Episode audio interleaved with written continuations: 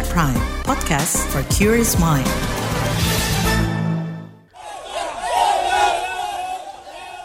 Halo saudara, selamat sore. Senang sekali kami bisa berjumpa kembali dengan Anda melalui program KBR Sore untuk edisi akhir pekan Jumat 26 Januari 2024.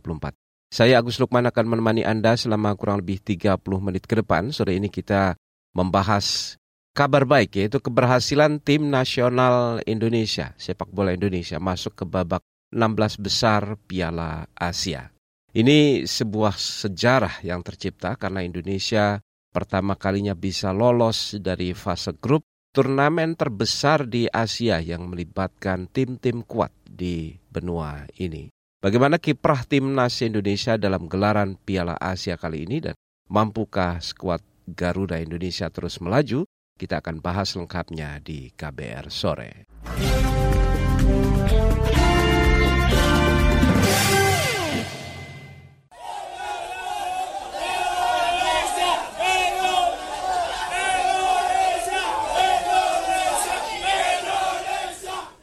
Luapan kegembiraan muncul dari seluruh skuad tim nasional atau timnas Indonesia telah setelah mereka lolos ke babak 16 besar Piala Asia 2023. Timnas Indonesia menorehkan sejarah baru dan ini merupakan kali pertama skuad Garuda masuk ke babak ke-16 besar atau lolos dari fase grup turnamen sejak Piala Asia digelar tahun 1956. Skuad asuhan pelatih Sintayong melaju ke perdelapan final setelah mengunci jatah terakhir sebagai tim dengan peringkat tiga terbaik. Pelatih Timnas Indonesia Sintayong meluapkan kegembiraan dengan menyebut keberhasilan Timnas Indonesia lolos ke babak berikutnya ini tidak lepas dari kerja keras para pemain dan campur tangan dari Tuhan. Jadi saya sangat senang ya, walaupun memang hanya satu kali menang dan dua kali kalah. Tetapi setiap pertandingan para pemain bekerja keras, itu yang mungkin membuat hasil saat ini begitu. Tetapi tanpa bekerja keras, mungkin yang di atas tidak akan mungkin memberikan seperti ini. Tetapi sepertinya para pemain sudah bekerja keras di setiap pertandingan, jadi mungkin yang di atas satu Tuhan pun tahu apa usaha dari kita, jadi bisa dapat atau meraih 16 besar. Jadi itu sangat bersyukur hari ini, sangat bahagia. Terima kasih Pelatih asal Korea Selatan Sintayong mengatakan kiprah Indonesia lolos dari fase grup menunjukkan segala kemungkinan bisa terjadi dalam dunia sepak bola. Sementara lewat keterangan tertulis yang dikirim kepada KBR, Menteri Pemuda dan Olahraga Dito Aryo Tejo memberikan dukungan transformasi dan peningkatan prestasi sepak bola Indonesia. Dito mensyukuri keberhasilan timnas lolos ke babak 16 besar Piala Asia. Ia mengatakan skuad termuda di Piala Asia dan ranking FIFA terendah kedua yaitu Indonesia tidak menjadi penghalang Indonesia lolos dari fase grup dan berbicara banyak di turnamen Piala Asia kali ini. Sebelumnya, Saudara Presiden Joko Widodo sempat memberikan semangat dan motivasi kepada timnas Indonesia yang berlaga di Piala Asia 2023 yang digelar di Qatar. Jokowi menyampaikan itu sebelum turnamen sepak bola terbesar itu digelar.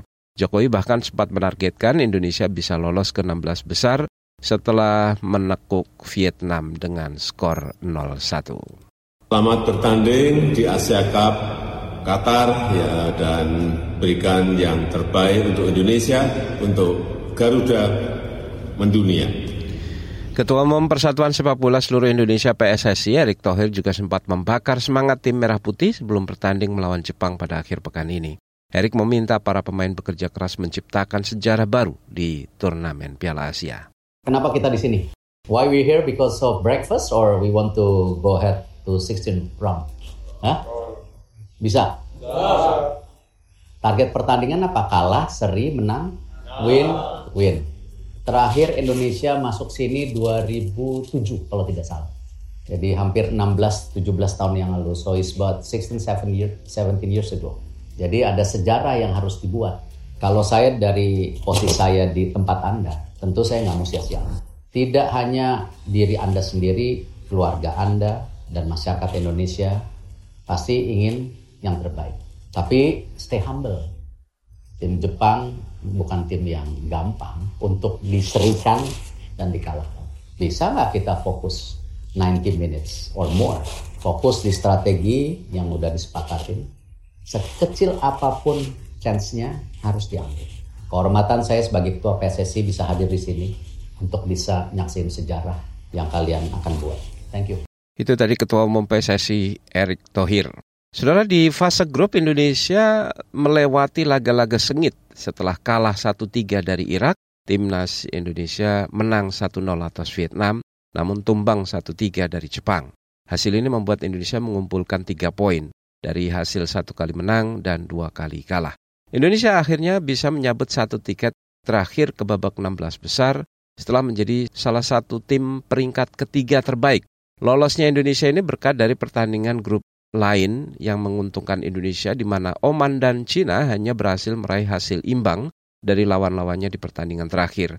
Alhasil dua tim tersebut hanya mengantongi dua poin atau selisih satu poin dari Indonesia.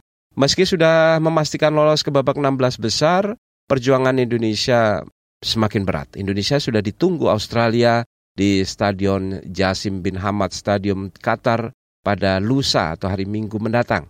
Dari statistik Indonesia melawan Australia, dua tim ini sudah berjumpa selama 15 kali. Indonesia hanya sekali menang, tiga kali imbang, dan 11 kekalahan. Kemenangan Indonesia atas Australia terakhir kali tercipta di Agustus tahun 1987. Artinya sudah 41 tahun Indonesia belum pernah menang atas tim Nas negeri Kangguru tersebut. Meski begitu, catatan dalam dua pertemuan terakhir Indonesia hanya kalah satu kali dan imbang satu kali. Artinya Indonesia masih bisa mengimbangi skuad dari Australia itu.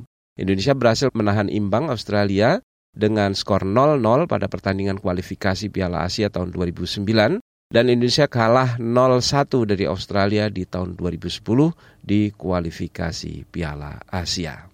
Saudara, proses pewarganegaraan atau naturalisasi disebut menjadi salah satu kunci sukses Indonesia di kancah sepak bola internasional. Bagaimana perjalanan naturalisasi pemain tim sepak bola Indonesia? Kami akan hadirkan di laporan khas KBR sesaat lagi.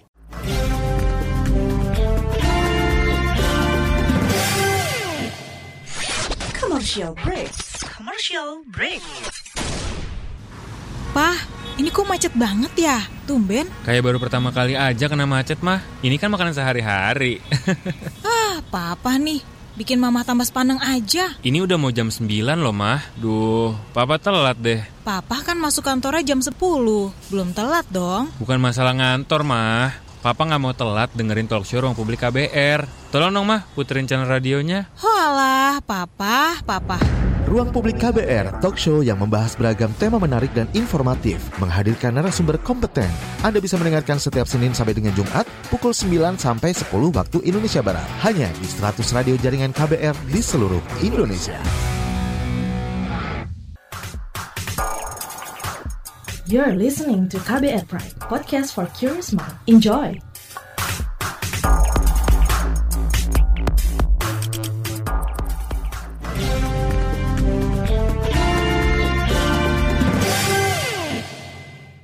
Saudara, pemain naturalisasi cukup mewarnai skuad tim nasional sepak bola Indonesia. Kehadirannya menuai pro kontra. Langkah itu juga jadi bukti kurangnya pembinaan atlet sepak bola lokal sehingga naturalisasi jadi jalan pintas. Benarkah demikian? Berikut laporan khas KBR disusun jurnalis Ardi Ridwansyah. Pemain naturalisasi adalah warga asing yang dijadikan warga Indonesia setelah memenuhi syarat sesuai Undang-Undang Kewarganegaraan antara lain mengakui Pancasila dan UUD 1945. Selain warga asing biasa, ada atlet yang sering dinaturalisasi. Itu terlihat dalam skuad Garuda untuk Piala Asia 2023. Dari total 29 pesepak bola, ada 8 pemain naturalisasi yang dipanggil pelatih Sintayong. Mereka sebagian besar berkarir di luar negeri, semisal Mark Locke, Justin Hubner, dan Elkan Beget. Ketua Umum Persatuan Sepak Bola Seluruh Indonesia PSSI Erick Thohir menjelaskan alasan naturalisasi. Sesuai dengan komitmen Bapak Presiden kepada sepak bola Indonesia, kita akan membentuk yang namanya core dari pembangunan tim nasional Indonesia berdasarkan pemain yang muda-muda yaitu 2022 untuk melihat tentu kualifikasi Piala Dunia ke depan ya 2026 ataupun 2031. Nah, di sinilah saya juga berterima kasih ya kepada Ivar dan Rafael yang komitmen bergabung ke tim nasional Indonesia. Ivar Jenner dan Rafael Struck yang disebut Erick Thohir masuk skuad timnas Indonesia untuk Piala Asia 2023. Ivar berusia 19 tahun kelahiran Belanda. Tercatat dia bergabung di klub sepak bola Belanda FC Utrecht, berposisi sebagai gelandang. Sementara Rafael berusia 20 tahun juga kelahiran Belanda. Dia berposisi sebagai penyerang. Rafael kini menjadi bagian klub sepak bola Belanda Ado Den Haag. Selain mereka ada Shane Patinama, 25 tahun, juga kelahiran Belanda. Sebelumnya, dia bergabung di klub sepak bola Norwegia Viking FK sebagai back. Persetujuan permohonan naturalisasi Shane Patinama disetujui Komisi Bidang Olahraga DPR RI dalam rapat kerja bersama Kemenkumham dan Kemenpora November 2022. Wakil Ketua Bidang Olahraga DPR Hetifa Saifudian mendukung proses permohonan Shane kita mendukung ya eh, naturalisasi ini dan mudah-mudahan ini memberi semangat tersendiri. Tetapi tentu saja tadi disampaikan banyak catatan-catatan untuk jangka panjang ya bagaimana kita juga memberikan kesempatan yang luas ya kepada talenta-talenta baik itu yang ada di dalam negeri maupun diaspora Indonesia yang ada di luar negeri. Meski disetujui, ada juga kritik yang datang dari sebagian anggota wakil rakyat, anggota Komisi Olahraga DPR dari fraksi Partai Nasdem, Muhammad Hairul Amri tak sepakat dengan naturalisasi lebih baik anggaran yang kita buat untuk naturalisasi itu kita kedepankan, kita prioritaskan untuk mencari bibit-bibit olahraga, mencari bibit-bibit para atlet yang ada di tanah air. Seringkali kita menyinggung bahwa Indonesia sangat besar penduduknya, tetapi tanda petik budidaya pembibitannya ini kan masih sangat lemah sekali. Oleh karenanya apa yang telah menjadi target Pak Menteri, Mas Menteri dengan berbagai macam banyak uh, varian skema pembibitan itu antara lain adalah tarkam itu ya saya kira itu jauh lebih penting ketimbang naturalisasi. Hairul ingin pemerintah tak terus bergantung pada pemain naturalisasi, sebab menurutnya hal itu jadi bukti pembinaan pemain lokal sepak bola Indonesia masih kurang. Jadi kita harus punya batas waktu sampai kapan sih ini naturalisasinya. Kalau saya sepakat ya hari ini ya terakhir saja udah naturalisasi. Apa pun persoalan prestasi atlet kita ya itu refleksi buat kita semua bahwa memang berarti kita kurang pembinaan. Nah, dengan segala keterbatasan yang dimiliki, ketimbang buat naturalisasi kita saya kira lebih baik buat mencari bibit-bibit unggul, kita perbanyak lomba-lomba lintas daerah atau liga-liga yang lainnya. Dari segi prestasi, pemain naturalisasi juga bukan menjadi jaminan hasil yang jauh lebih baik. Penilaian itu disampaikan pengamat sepak bola Kesit Budi Handoyo. Menurutnya, prestasi adalah proses pembinaan panjang untuk pemain agar bisa menjadi pemain andal untuk pembinaan ini sebenarnya kurang bagus. Dampaknya ini akan menurut saya akan berimbas kepada pemain-pemain muda kita. Jadi nanti seolah-olah seperti nggak percaya diri gitu. Padahal talenta-talenta kita itu di berbagai daerah itu banyak eh, pemain-pemain potensial yang sebenarnya bisa dibina. Tapi karena eh, program pembinaan di PSSI belum berjalan dengan baik, makanya talenta-talenta itu tidak banyak yang muncul. Gitu. Demikian laporan khas KBR. Saya Fitri Anggreni. Itu tadi sudah laporan khas KBR mengenai naturalisasi sebagai jalan pintas ke prestasi timnas. Kembali ke laporan utama, keberhasilan timnas Indonesia masuk babak 16 besar Piala Asia sangat diapresiasi publik. Apalagi ini merupakan torehan sejarah karena kali pertamanya Indonesia lolos dari fase grup Piala Asia. Lalu bagaimana tanggapan dan harapan dari kalangan parlemen kami akan hadirkan sesaat lagi di KBR sore.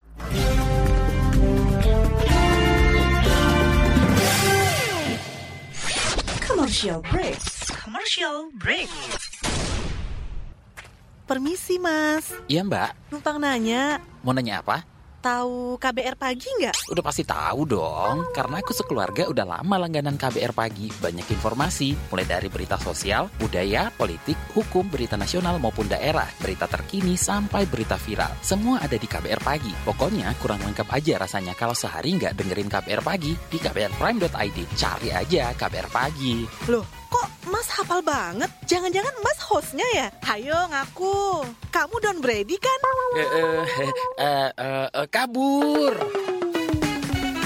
KBR Prime, podcast for curious mind.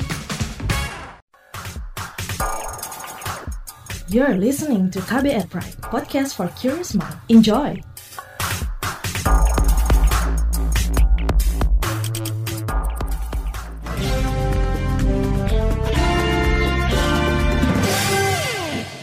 Kita lanjutkan KBR sore. Saudara kalangan parlemen mengapresiasi keberhasilan timnas Indonesia melaju ke babak ke-16 besar Piala Asia. Skuad asuhan Sintayong ini dianggap memiliki mental yang kuat dan juga bekerja keras dalam turnamen yang digelar di Qatar tersebut. Selengkapnya berikut perbincangan jurnalis Rangga Sugeri bersama anggota Komisi Bidang Keolahragaan di DPR RI, Yoyok Sukawi. Respon Bapak terkait keberhasilan timnas Indonesia yang lolos ke babak 16 besar jadi memang kinerja pemain, baik pemain naturalisasi maupun pemain yang non naturalisasi itu kita lihat ini sudah ada peningkatan merata di semua lini. Terutama di urusan mental bertanding untuk timnas kita ini sekarang sudah lebih sabar, lebih tenang walaupun menghadapi tim internasional sekelas Jepang dan sekelas Irak kemarin yang kita hampir saja kita bisa tahan imbang ini merupakan lompatan yang luar biasa oleh timnas sehingga kita memang menurut saya layak untuk lolos ke 16 besar. Lalu terkait pola pembinaan atlet sepak bola yang perlu ditingkatkan itu seperti apa ya Pak? Di Indonesia ini pembinaan sebenarnya sudah cukup baik dan sudah dilakukan di semua tingkatan mulai dari SSB usia 8, 10, 12, 14 dan seterusnya. Yang menjadi kendala di Indonesia adalah infrastruktur Alhamdulillah dalam dua tahun ini pemerintah melalui pemerintah Jokowi kan terus untuk menggunakan infrastruktur-infrastruktur di daerah, mulai pembangunan stadion, pembangunan lapangan. Nah, itu cukup bagus sehingga kita untuk mencapai target 2035 Indonesia emas itu sudah tercapai. Yang penting adalah pembinaan itu harus terus-menerus dan berkelanjutan. Tidak boleh berhenti di tengah jalan. Kompetisi pun harus terus berjalan dengan situasi apa pun, alhamdulillah Indonesia ini sekarang sudah on track kalau saya untuk pembinaannya. Lalu dorongan dari Bapak ke pemerintahan agar sepak bola Indonesia bisa terus maju.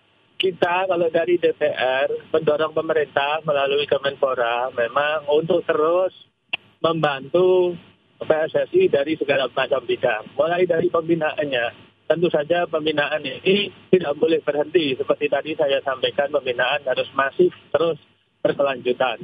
Yang kedua masalah infrastruktur. Infrastruktur pemerintah juga harus uh, cawe-cawe, harus membangun infrastruktur hingga ke pelosok tanah air.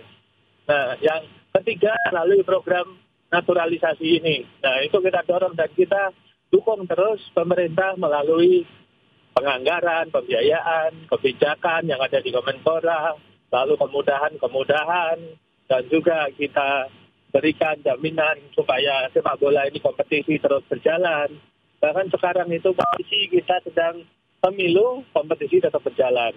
Itu sebagai sebagai wujud dukungan dari pemerintah yang memberikan kepastian hukum terhadap pembinaan sepak bola nasional. Pesan dan harapan agar timnas bisa mengatasi Australia dan melaju di Piala Asia kali ini, Pak. Yang penting main tenang aja, main tenang, mental tetap harus terjaga, bekerja keras dua kali 45 menit insya Allah dengan bekerja keras dan sungguh-sungguh Tuhan bersama kita. Itu tadi saudara perbincangan jurnalis KBR Rangga Sugeri dengan anggota Komisi Bidang Keolahragaan DPR Yoyo Sukawi. Dan saudara bagaimana kiprah kira-kira tim kiprah Indonesia untuk melaju di babak berikutnya di Piala Asia kali ini. Mampukah melaju lebih jauh. Nantikan informasinya sesaat lagi, tetaplah di KBR Sore.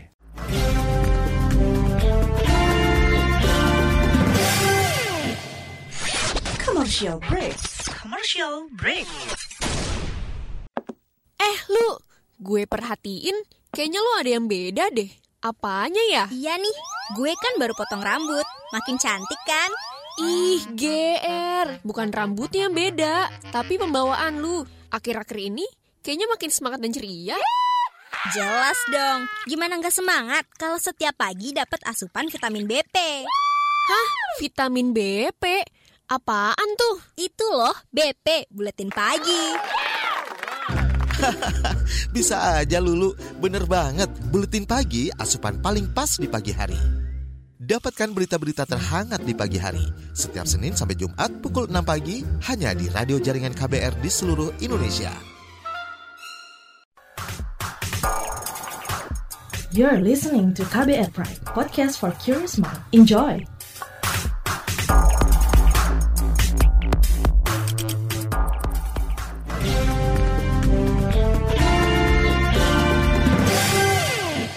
Kita di bagian akhir KBR sore masih berbicara mengenai lolosnya tim sepak bola nasional Indonesia ke babak ke-16 besar Piala Asia. Kalangan pengamat sepak bola menilai keberhasilan ini menghadapi banyak tantangan dan ada sejumlah hal yang perlu dilakukan perbaikan. Khusus melawan timnas Australia pada babak 16 besar nanti, Australia masih dianggap lebih unggul. Meski begitu, peluang Indonesia untuk menang juga masih terbuka asalkan bisa membenahi beberapa sektor dan memperlihatkan permainan terbaik. Selengkapnya berikut perbincangan jurnalis KBR Khairunisa dengan pengamat sepak bola Aryo Yosia. Kalau dari analisisnya begitu Mas, Indonesia ini berhasil melaju ke babak 16 besar begitu. Apakah ada faktor keberuntungan semata atau memang permainan timnas di fase ini memang baik? dari kaitan dengan keberhasilan kita lolos pasti kita bersyukur lah ya bahwa Indonesia menciptakan sejarah tetapi memang benar mbak masih banyak PR kaitan dengan performa timnas gitu kan karena kalau kita mau jujur gitu kan kita masukkan dengan status peringkat tiga terbaik di dari ada empat empat tim yang masuk 16 besar dan kita adalah peringkat terakhirnya gitu kan artinya dengan modal satu kemenangan yang artinya masih banyak PR yang perlu kita benahi. Dan kalau kita melihat tiga pertandingan penyisian melawan Irak melawan Vietnam dan Jepang bisa dibilang kita belum menemukan bentuk permainan terbaik gitu loh. Masih beberapa masalah elementer seperti salah passing atau tenang menghadapi lawan tuh masih kelihatan masih sedikit belum pada level terbaiknya gitu kan. Dan ini yang menurut saya aja catatan gitu kan ketika mengarungi 16 besar. Dan kita perlu ingat juga lawan di babak 16 besar kan Australia yang kelasnya adalah peserta Piala Dunia gitu kan artinya ketika kita selesai penyisian kita mungkin punya mimpi tinggi gitu kan tapi kita juga harus realistis karena lawannya kan uh, udah lawan berat udah menanti kita. Strategi apa yang perlu diper, perlu dilakukan begitu oleh STY sendiri untuk menghadapi Australia ini kan yang lebih dekat tadi Mas bilang. Hmm, kalau saya lihat memang apa namanya Australia ini kan memang tim yang sangat tipikal permainannya kan mirip banget dengan negara-negara Eropa ya. Artinya mereka sangat powerful, mungkin berbeda dengan Jepang yang lebih banyak kecepatan. Mereka mungkin lebih benar-benar mengandalkan fisik dan apa keteraturan dalam apa strategi permainan dan ketaatan dalam menjalankan taktik. Nah, menurut saya yang perlu menjadi PR adalah bagaimana kita memperbaiki kinerja lini belakang sih karena kelihatan gitu ya ketika menghadapi negara dengan ya, prior dalam sepak bola lapangan gitu walaupun kita kalah mungkin koreng nggak terlalu besar gitu kan tapi sepanjang pertandingan kelihatan bahwa kita masih punya banyak permasalahan terutama dalam kedisiplinan gitu kan mengawal pertahanan karena kita ngeliat lawan pertandingan Jepang atau lawan Irak gitu kan situasinya sering kali tim lawan tuh dengan leluasa memasuki area penalti tanpa pengawalan ketat dan ketika menghadapi Australia kan justru berbahaya dan perlu diingat juga Australia ini kan karena mengandalkan fisik mereka tuh akan sangat berbahaya sekali dalam situasi-situasi bola mati kan banyak pemain tinggi menjulang yang yang akan menjadi momok buat timnas kita. Kalau kansnya sendiri begitu Mas Timnas bisa menang melawan Australia dan melaju ke Piala Asia begitu sejauh mana Mas? Kalau ekspektasi pasti kita pengennya lolos ke 8 besar ya. Tapi kalau kita ngomongin realistis, artinya kalau kita bicara dengan rekor pertemuan kita aja kan kita hampir selalu pasti kalah melawan Australia. Dan kalau total tuh 15 kali pertemuan kita tuh kebobolan 32 gol gitu kan. Ya artinya kalau saya sih ngelihat bahwa partai ini bermimpi boleh bahwa kita masuk ke 8 besar. Tapi saya sih lebih pengen melihat gini sih, bahwa melawan Australia itu menjadi eh, kesempatan bagus untuk apa, menaikkan level perma, apa, permainan kita. Jadi jangan melihat hasil karena di Piala Asia ini menurut saya kita beruntung ya mas kita gitu kan menghadapi lawan-lawan tiga karakter berbeda ya saya apa negara-negara yang ada di level elit persaingan Asia. Dan kita kan PSSI kan punya target untuk menaikkan level itu ya Kayaknya kita nggak lagi bicara tentang persaingan Asia Tenggara, tapi kita mulai harus meningkatkan diri ke level Asia dan ketika menghadapi Irak, kita menghadapi Jepang, dan sekarang Australia, menurut saya itu adalah momen-momen yang berharga gitu kan. Nah, mungkin sekarang kita eh, kalah atau mungkin kita nggak meraih hasil positif gitu ya di Piala Asia kali ini, tapi ya, dengan menambah jam terbang bertanding melawan tim-tim yang level elit, saya kok percaya ya bahwa ke depan tuh pelan namun pasti juga apa mental pemain kita juga akan akan terangkat gitu kan terbiasa dengan atmosfer pertandingan bermutu tinggi. Apa yang perlu ditingkatkan dari dukungan pemerintah pemerintah terhadap Piala Asia ini? Kita lihat secara khusus Piala Asia dan kita melihat banyak negara peserta lain ya. Menurut saya PR terbesar PSSI pemerintah gitu kan berkolaborasi untuk memperbaiki sistem pembinaan sih. Itu artinya sekarang kita sangat punya modal bagus ya. Kita kan jadi tim yang dengan rataan usia paling paling rendah ya, paling muda. Tapi kalau kita mau jujur juga, mayoritas di antara pemain kita kan bukan hasil pembinaan kita sendiri. Banyak pemain yang maksudnya artinya keturunan yang dinaturalisasi mendapat paspor Indonesia didatangkan dari Eropa. Kemudian juga eh, dikombinasikan dengan pemain lokal yang artinya menurut saya kalau kita mau ngomong bicara jangka panjang target-target muluk-muluk yang apa target muluk bisa menembus persaingan level Asia atau bahkan dunia gitu. Ini kita mulai harus mulai serius untuk menata pembinaan. Pembinaan ini bagaimana memastikan kompetisi usia muda berjenjang itu berjalan dengan mulus. Karena kan agak ironis juga nih jelang Piala Asia kan kita dengar kabar juga gitu kan kompetisi level junior itu harus tertunda karena ada gitu kan Sementara kan artinya kalau kita ngomongin tentang sepak bola ya sepak bola gitu kan, politik politik gitu kan. Di negara kita kan masih PR-PR yang kayak gitu kan masih sering muncul gitu. Mestinya kalau ditanya pemerintah seperti apa ya, ya tadi gitu kan berkolaborasi dengan PSSI untuk memastikan bahwa uh, kompetisi berjenjang itu berjalan mulus. Itu tadi saudara perbincangan jurnalis KBR Khairunisa dengan pengamat sepak bola Aryo Yosia. Informasi tadi saudara menutup jumpa kita di KBR sore untuk edisi akhir pekan Jumat 26 Januari 2024. Saya Agus Lukman bersama tim yang bertugas kami undur diri. Sampai jumpa.